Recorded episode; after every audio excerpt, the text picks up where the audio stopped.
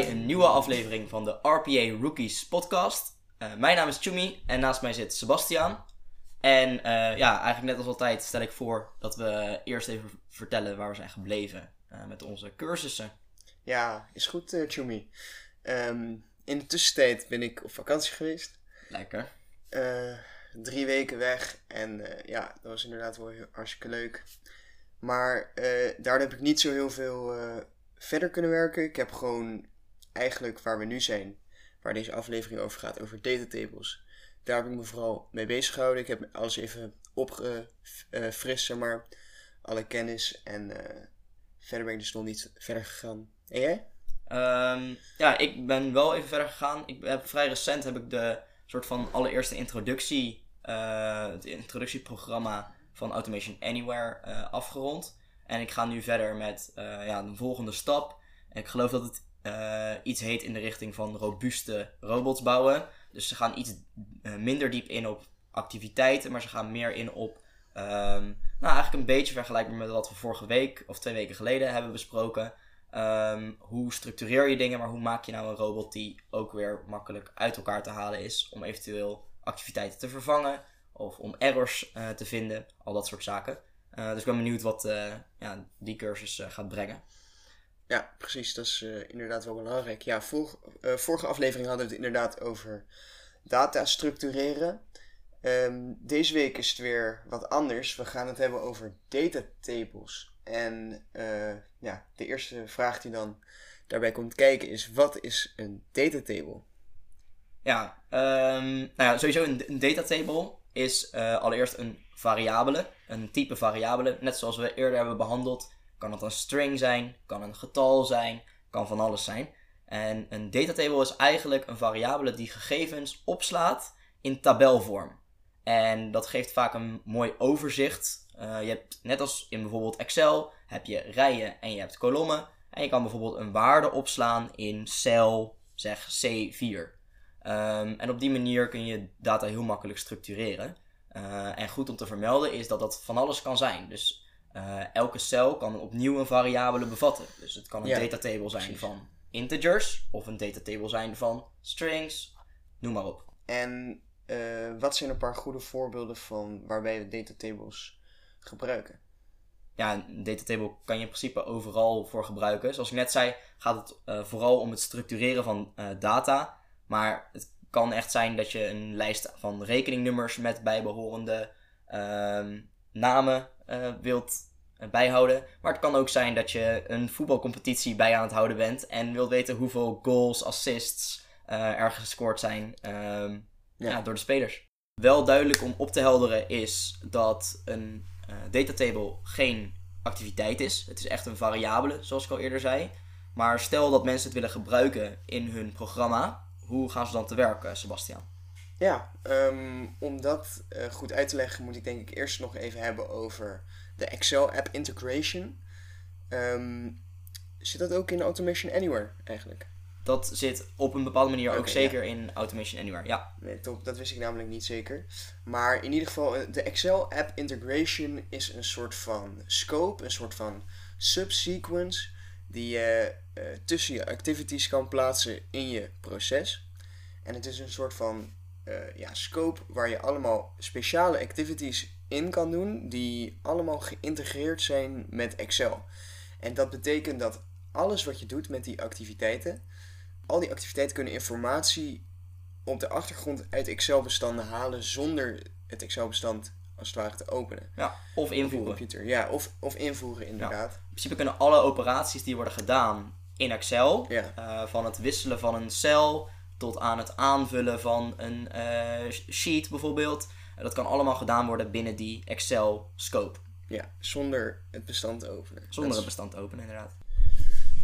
En dan vervolgens kan je zelf kiezen of je met die Excel app integration werkt of dat je zonder Excel integration Excel App Integration werkt. Als je zonder uh, App Integration werkt, dan zal UiPath of Automation Anywhere alsnog wel jouw Excel-bestand openen. Maar dat uh, is op zich niet zo'n heel groot probleem. En het ligt er ook aan wat voor Excel-bestand uh, je hebt. Want er zijn verschillende file-typen die je kan gebruiken. En de ene kan wel geïntegreerd wordt en de ander niet. Ehm, maar in ieder geval, als je dus weet op welke manier je aan de slag wil gaan, dan bestaat denk ik een, een uh, normaal proces. Bestaat eruit dat je als eerste die datatable gaat bouwen. En dat kan je bijvoorbeeld doen door de tabel van Excel over te zetten tot een uh, datatable variabele met een bepaalde activity. Vervolgens wil je meestal die datatable bewerken. Of je wilt bijvoorbeeld informatie halen uit de datatable en die informatie ergens opslaan. Of je wil bijvoorbeeld twee datatables met elkaar samenvoegen volgens bepaalde regels. Um, en daar heb je dus ook heel veel verschillende activities voor die je ook allemaal kan vinden in het documentation portal van uh, Automation Anywhere of van UiPath. En vervolgens, als je dat hebt gedaan, dan wil je meestal een output maken naar bijvoorbeeld weer een nieuwe Excel-file of naar, naar bijvoorbeeld een andere bestandstype. Um, net hadden we het al even over die Excel-scope en hoe die uh, ook in Automation Anywhere wordt gebruikt. Um, alles wat ik net op heb genoemd, geldt dat ook voor Automation Anywhere of zit het er niet in? Nou, bij Automation Anywhere heb je zeker vergelijkbare uh, actions, noemen ze het uh, daar, in plaats van activities. Maar dat maakt niet zo heel veel uit. Maar wat misschien sowieso leuk is om te vertellen, is dat in Automation Anywhere, voor mijn gevoel, um, datatables vrij nieuw zijn. Uh, ik kon online bijvoorbeeld kon ik wel veel vinden over row-to-row activiteiten. En dat is gewoon dat ze rij voor rij een bepaald Excel bestand langs gaan. Waar ik minder over kon vinden was de daadwerkelijke datatable uh, format of variabelen. Pas sinds juli, augustus kwam ik daar veel over tegen. Dus het kan zijn dat dat best wel nieuw is. Uh, ik heb daar wel een klein beetje mee gewerkt en de operaties die je erop kan uitvoeren, de actions die je daarbij kan gebruiken, zijn heel erg vergelijkbaar. Je hebt inderdaad, net zoals uh, bij UiPath, een assign action. Je hebt een merge action om dingen samen te voegen. Maar je hebt ook iets meer functionele uh, activiteiten, zoals een filter of een sorteerfunctie. Uh, Verder is er wel nog één verschil uh, tussen UiPath en Automation Anywhere. Wat ik in ieder geval heb gemerkt, is dat wanneer je een nieuwe datatable maakt, dan kan je bij Automation Anywhere best wel intuïtief in een soort van editor, bijna een beetje vergelijkbaar met Excel, echt zien welke cel waar zit en die kun je dan invullen. Terwijl bij UiPath kreeg ik vaak het idee dat het toch wat meer volgens de syntax van UiPath moest.